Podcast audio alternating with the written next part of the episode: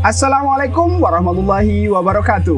Kita tak akan bernilai bahkan tak akan ada benar dan baiknya sama sekali walaupun kita dalam kondisi sebenar-benarnya jika berada dalam pandangan si mata pendengki.